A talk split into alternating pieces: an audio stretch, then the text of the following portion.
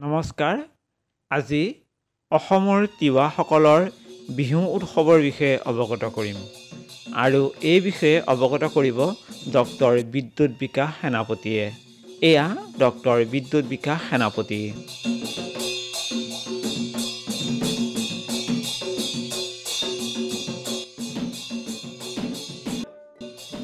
আমাৰ তিৱাসকলে মাঘ বিহু আৰু বহাগ বিহু বৰ উলহ মালহেৰে পালন কৰে। মাঘ বিহু অহাৰ লগে লগে আমাৰ গাঁৱৰ বৰগৰখীয়া ডেকাসকলে কিছুদিন আগৰ পৰা মেজিক সজাবৰ কাৰণে নৰা খেৰ সংগ্ৰহ কৰে। আৰু তাৰ আগতে এটা কথা উল্লেখ কৰাটো অৱশ্যে বাঞ্ছনীয়। তিৱাসকলে সাধাৰণতে বহু অঞ্চলত মঙলে বোধে বিহু পাতে। সংক্ৰান্তিৰ পাছৰ মঙলে বোধে বিহু পাতে। আৰু এইটো প্ৰায় সত্তৰ দশকৰ প্ৰাৰম্ভ বা ষাঠিৰ শেষৰ মানৰ পৰা কিছু কিছু অঞ্চলত এনেকুৱা ধৰণৰ হৈছে যে যিহেতু চৰকাৰী বন্ধটো নাপায় সেইটো কাৰণে অন্যান্য অসমৰ বৰ্ণাঢ্য অন্যান্য অসমীয়াসকলৰ দৰে এই সংক্ৰান্তিতে বিহু পাতিবলৈও লৈছে। কিন্তু এতিয়াও কিছু কিছু অঞ্চলত মঙলে বোধে বিহু পতা প্ৰথাটো প্ৰচলন হৈ আছে। আৰু ইফালে গোভা আদি কৰি অঞ্চলত জোনবিলৰ লগত এটা সম্পৰ্ক আছে। জোনবিলৰ পাছৰ শনি ৰবিবাৰে তেখেতসকলে বিহু পাতে। আৰু মোৰ চকুৰ আগত থকা যিখন তিৱা সমাজ বাৰপুজীয়া বাৰপুজীয়া অঞ্চলকে প্ৰাধান্য কৰি ওচৰ পাজৰৰ যিসকল তিৱা ৰাইজ সেইসকলৰ দেখিছোঁ মই ইতিমধ্যে কৈছোঁ নৰাখেৰ সংগ্ৰহ কৰে। তাৰপিছত নিৰ্দিষ্ট সেই বিহুৰ দিনা তাৰ আগে আগে পানীয় প্ৰস্তুতৰ কাৰণে ৰাইজৰ আমাৰ গৃহস্থৰ ঘৰে ঘৰে গৈ চাউলো সংগ্ৰহ কৰে। লাও পানীয় চু যিটো পানীয়। আৰু সেইটো সেই বিহুৰ দিনা উৰুকাৰ দিনা হোৱালৈকে খাব পৰা হোৱাকৈ ধুনীয়াকৈ প্ৰস্তুত কৰি থয়। আৰু সেই নিৰ্দিষ্ট দিনা কাঠমেজি পোৰে। কাঠমেজি পুৰি কাঠমেজিত জুই দি তাতেই বিহুৰ ঝুনা বিহুৰ শান্তি ঢোলত আৰম্ভ কৰে। অ বিহুৰে বিৰিণা পাতে বহনা বিহুৰে বিৰিণা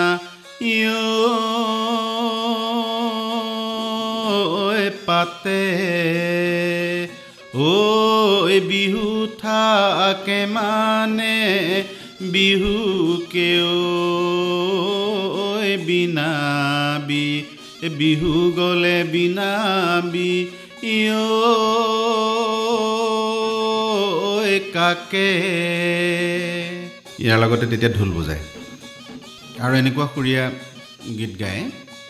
ঐ খালে মৰাৰে পৰা ঐ দেখোনো বালি সৰা ঐ আটাই গৰু খোজৰ পানী আনক যে দেখা পাওঁ ঢলাই টিক নেদেখোঁ মৰিনো যাওঁ কটাৰী ঐ হানি হেৰলাই নোচাই ঐ সপোনত দেখা পায় ঐ সচিতত পাবলৈ ঐ নাই। পানী আনি দিয়া অ' শুনাই ঐ ঘৰটো মচো মই অ' শুনাই ঐ ৰংপুৰ জিলাৰে মাটি। চেঁচা পায়ে পায়ে অ' শুনাই ঐ টোপনি নাহে মোৰ। অ' শুনাই ঐ লোকে পাৰি দিয়া পাতিও চেনাই গোপ। জবৰাই ধৰিম তোক সুদা নেদেখিবি মোক। ঐ ককায় ককায় চুৰিয়া চতায় বয়ে বা কিমানৰ কাজি।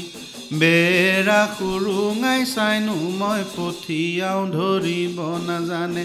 পাজি হেৰৰুণে যোন শৰীৰৰে ধূনা ধুনে মাতি যোৱাটো কোন? ধুংগুৰু নুগুৰু কলংকা সৰীয়া ধুংগুৰু নুগুৰু মাটিতা কৰিয়া ধুংগুৰু নুগুৰু বেঙেনাৰ ঢেপেলা পাত। ধুমগুৰু নুগুৰু চৰাইটো কেবুলি ধুমগুৰু নুগুৰু দলিটো মাৰোতে। ধুমগুৰু নুগুৰু লাগিলে ঢলাইটিৰ গাতে ধুমেগিৰি ধুমু নিজাঙে নিজাং। ৰৈ ৰৈ ৰ ঢলাত ভাওনা চাং। আৰু উৰে নিশা তেনেকুৱা ধৰণৰ বিহু মহৰ শিঙৰ পেঁপা বিহুৰ গদালবৰীয়া গীত বা বিহু গীত পাতি ঢোলত বিভিন্ন চেউ ইত্যাদি বজাই গোটেই ৰাতি বিহু কৰে। আৰু পুৱতি নিশা সেই যি ঠাইত গাঁৱৰ মূৰ হওক বা এটা নিৰ্দিষ্ট স্থানত গছৰ তলত সেই তাৰ পৰা নিৰ্দিষ্ট দূৰৰ কোনো জলাশয় আমাৰ অঞ্চলত এটা ডাঙৰ পুখুৰী আছে। ডাঙৰ এইটো দহ বিঘামানৰ ডাঙৰ এটা পুখুৰী তিৱাসকলৰ। সেই পুখুৰীলৈকে পথাৰৰ মাজে মাজে মাজে মাজে নিৰ্দিষ্ট দূৰে দূৰে এটাকৈ মেজি সাজি গৈ থাকে। আৰু এঠাইত মদখোৱা মেজি বুলি এটা মেজি প্ৰস্তুত কৰে। সেই পুখুৰী পাৰ পোৱাৰ আগে আগে। আৰু সেই মেজিটোৰ ওচৰতে সমূহ ৰাইজ গৈ বিহুৱা গৈ পোৱাৰ সময়ত মেজি পুৰি পুৰি গৈ সেই নিৰ্দিষ্ট মেজিথলী পায়গৈ। আৰু আমাৰ তিৱা সমাজৰ বিশ্বাস কিছুমান আছে। যে কোনোবা যদি কিবা অপায় মংগল কাৰোবাৰ চলি আছে ঘৰখনত ব্যক্তিগত হওক আৰু কোনোবা যদি নিসন্তান দম্পতীও আছে তেওঁলোকে গৈ সেই মাঘোৱালী ভকত বুলি কয় মাঘোৱালী ভকতৰ ওচৰত গৈ যদি তামোল পাণ সা সন্মান দি জু বা পানীয় আগবঢ়াই আশীৰ্বাদ গ্ৰহণ কৰে তেওঁলোকৰ মনোকামনা পূৰ্ণ হয় বুলি মানে বিশ্বাস। আৰু কোনো কোনোৱেতো কয় যে অমুকৰ সন্তানটো এই অমুক মাঘোৱালী ভকতৰ আশীৰ্বাদ পায়েই। সন্তান জন্ম হৈছিল এনেকুৱা ধৰণৰ। তাৰপিছত সেই আশীৰ্বাদ প্ৰদান কৰি তাতে বিভিন্ন ধৰণৰ ঢোলৰ যোৰাও লাগে। বিহুগীত গায় মৰসিংহৰ পেঁপা বজায় নাচে নতুৱা বজায় ঢোলৰ তাৰ পৰা গৈ গৈ আকৌ সেই হেৰি পায়গৈ জলাশয়ৰ ওচৰ পায়গৈ। তাত এখন থান থাকে। সেই থানখনত এইটো শিৱ শিৱ থানেই বুলি ক'ব পাৰি। লাংটা দেৱতা বুলি আমাৰ গাঁও কয় আমাৰ গাঁৱৰ মানুহ ৰাইজে। তাতে নাচ বাগ কৰাৰ কাৰণে বা নীতি নিয়ম পালন কৰাত কিবা যদি ত্ৰুটি বিচ্যুতি হৈছে তাৰ কাৰণে ভগৱানৰ ওচৰত মূৰ আটাই সেৱা সৎকাৰ কৰে। তাৰপিছতে তাত জলাশয়ৰ ওচৰত যিখিনি ওখ ডাঙৰ সৰু বৰ বহুত মেজি থাকে আৰু ককাই ভাই বুলি মেজি বৰ ওখ ওখকৈ সাজে সেই মেজিবিলাক তেতিয়া জ্বলাই ৰাইজে ফূৰ্তি কৰে। আৰু আজিকালি সেই মেজিৰ থলীত কাঁহী নৃত্য বুলি আমাৰ এটা খাংচি মিছাও আছে সেই নৃত্যও পূৰ্বতে সেই থলীতে কৰা বুলি আমি গম পাওঁ আমাৰ পূৰ্বপুৰুষসকলে কৈছে আমাৰ অগ্ৰজসকলে। তাৰ পৰা সেই মেজি পুৰি আহি তেতিয়া গাঁৱৰ বৰগৰখীয়াৰ ঘৰত হওক বা গাঁৱৰ কোনো নিৰ্দিষ্ট মুখিয়াল ব্যক্তিৰ ঘৰত হওক নিমন্ত্ৰণ ক্ৰমে গৈ সেই ঘৰতো বিহু মাৰে।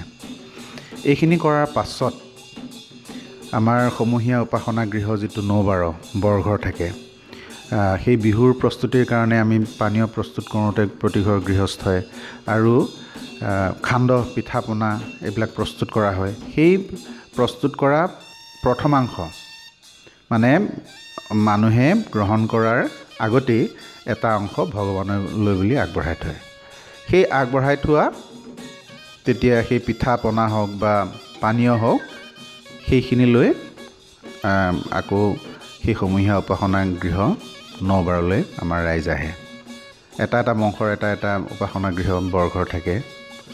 তাতে আহি ভগৱানলৈ উৎসৰ্গা কৰে আৰু আমাৰ উপৰি পুৰুষ মৃতকসকললৈ সেই দ্ৰব্যসমূহ অৰ্পণ কৰি ৰাইজে গ্ৰহণ কৰি ঘৰা ঘূৰি যায়। সেই নবাৰত সেই নীতি নিয়মখিনি কৰি সমূহীয়াকৈ একেলগে গ্ৰহণ কৰি ঘৰা ঘূৰি যায়। আৰু ভোগৰ উৎসৱ যেতিয়া সেই দিনটোত কাঠ আলু আমাৰ কুকুৰাৰ মঙহ গাহৰি মাংস জু ইত্যাদি পৰিভৰ সকলোতে থাকেই আৰু আলহী অতিথিক সেইবোৰ আপ্যায়ন কৰা হয় আৰু বা গৃহস্থৰ প্ৰত্যেকে সেইবোৰ গ্ৰহণ কৰে। এনেদৰেই ভোগালী উৎসৱটো উলহ মালহেৰে পালন কৰে। আৰু লগতে গাঁৱৰ গাভৰুবিলাক লগ হৈ বিয়লিৰ সময়ত সেই দুপৰীয়াৰ পাছত আৰু আজিকালি অকণমান কমিছে। আগতেতো খুব পুৰা মাত্ৰাই আছিলে। কোনো পথাৰৰ মাজৰ গছৰ তলত হওক বা গাঁৱৰ মূৰৰ গছৰ তলত গৈ গদালবৰীয়া গীত জোৰানাম বিহুনাম গাই মানে তেওঁলোক আনন্দ স্ফূৰ্তি কৰে। আৰু তাকে শুনি দূৰৰ পৰা কোনো ডেকা ডেকায়ো গীত জোৰে। এনেদৰেই ভোগালী উৎসৱটো ৰং ৰং তামাচেৰে পালন কৰে। আৰু ধূপ খেলাৰ নিয়মো আছিল আগতে। আজিকালি ধূপ খেলাৰ নিয়মটো কমিছে। গতিকে মোৰ ধাৰণাত থকা মোৰ চকুৰ আগত তিৱা সমাজখনত মই যেনেদৰে বিহুটো দেখিছোঁ সেইটোৱে। আৰু এটা কথা আমাৰ অঞ্চলত ৰাতি সেৱাটো প্ৰচলন আছে সচংঘৰ বুলি। এই বৰঘৰত যে নবাৰত যে আমি তেনেকৈ গজ্জু বা পিঠা পনা আমি আগবঢ়াওঁ। সেই বিয়লিৰ ভাগত দুপৰীয়াৰ পৰা বিয়লি ভাগলৈকে সন্ধ্যাৰ আগলৈকে সমাপন হৈ যায়। সেই সেৱা সেৱাঘৰ বা সচংঘৰতো সেই আমাৰ উপাস্য দেৱতাক সেই খাদ্যদ্ৰব্য অৰ্পণ কৰি ৰাইজে গ্ৰহণ কৰি ঘৰলৈ আহে। আচলতে আমাৰ চাউলৰ পৰা যিটো ঘৰুৱাভাৱে প্ৰস্তুত কৰা যিটো পানীয় সেইটো অপৰিহাৰ্য হিচাপে আমাৰ পৰিগণিত হৈ আছে। আৰু সদায় এইটো অপৰিহাৰ্য হৈ থাকিব বুলি অনুভৱ। কিন্তু এটা কথা উল্লেখ কৰিব লাগিব অৱশ্যে যে বিহুৰ নামত বিদেশী পানীয় এইবিলাকৰ প্ৰয়োভৰ হোৱাটো আচলতে মই ব্যক্তিগতভাৱে ভাল একচুৱেলি নহয় বুলি অনুভৱ হয়। কিয়নো আমাৰ পৰম্পৰাগত এটা সুন্দৰ পানীয় প্ৰস্তুত কৰাৰ ব্যৱস্থা আছে আৰু যিটোৰ দ্বাৰা কম ক্ষতি হয় বুলি অনুভৱ হয়। অন্য এনেকুৱা ধৰণৰ পানীয়তকৈ। আৰু সেইটো এটা পৰম্পৰা আছে বিশেষকৈ। ঘৰত আমাৰ প্ৰস্তুত কৰাটো। আৰু ঔষধি গুণো নিশ্চয় তাত আছে যদি উচিত পৰিমাণত তাক গ্ৰহণ কৰে আনন্দ স্ফূৰ্তিও কৰিব পাৰে। সেই পৰম্পৰাটো বৰ্তিত আছে। আমাৰ পৰম্পৰাগতভাৱে যিটো পানীয় প্ৰস্তুত কৰা হয় জু সেই পানীয়টো আচলতে আমি কেঁচুৱাতেই আমাৰ প্ৰত্যেক পুৰুষ হওক মহিলা হওক আটাইয়ে গ্ৰহণ মানে গ্ৰহণ কৰে। কেনেকৈ কৰে? এইটো যেতিয়া ঔষধ খেদোৱা বুলি আমাৰ এটা অনুষ্ঠান পাতে আৰু তাতে কেঁচুৱাৰ নামকৰণো কৰে তেতিয়া জেলা গাঁৱৰ আমাৰ গোটেই বৰঘৰৰ জেলা খেলৰ জেলা এইসকলে লগ লাগি এটা অসুজ খেদোৱা বুলি অনুষ্ঠান পাতে। সেই অনুষ্ঠানত কচুৰ জাল প্ৰস্তুত কৰা হয় মুৰ্গী মাংসৰে সৈতে আৰু তাত সেই পানীয় পয়োভৰ ঘটে। আৰু যেতিয়া জেলাসকলে কেঁচুৱাসকলক নামকৰণ কৰে কোলাত লৈ নচুৱাই তাৰ আগতেই সেই চেলেকাই দিয়ে। সেই কচুৰ জাল চেলেকাই দিয়ে বা সেই পানীয় চেলেকাই দিয়ে। গতিকে সেই সৰু কেঁচুৱা অৱস্থাৰ পৰাই সেই গ্ৰহণ কৰাৰ প্ৰথাটো আমাৰ মাজত আছে। তাৰ মাজতে সকলোৱেতো আৰু ডাঙৰ হ'লে গ্ৰহণ নকৰে কিন্তু বহুতে গ্ৰহণ কৰে। ইমান পৰে তিৱাসকলৰ বিহু উৎসৱৰ বিষয়ে অৱগত কৰিলে ডক্টৰ বিদ্যুৎ বিকাশ সেনাপতিয়ে।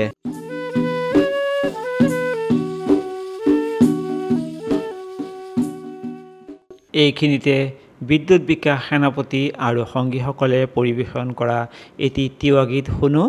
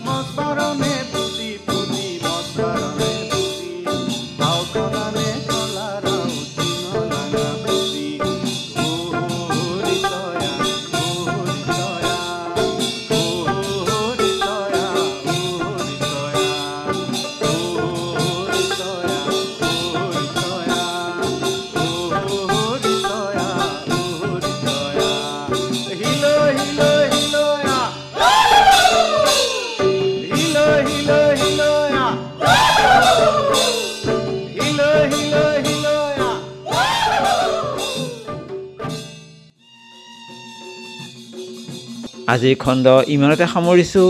নমস্কাৰ।